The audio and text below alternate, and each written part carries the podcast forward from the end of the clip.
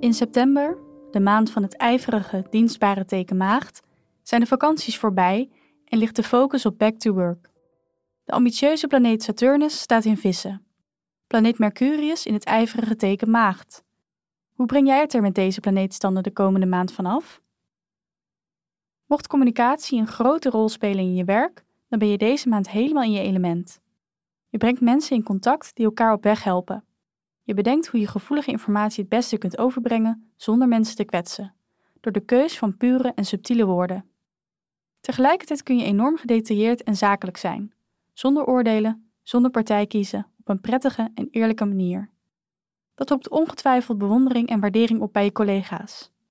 De vraag is echter of je zelf nog gelooft in wat je doet. Kun je nog achter de bedrijfsfilosofie staan?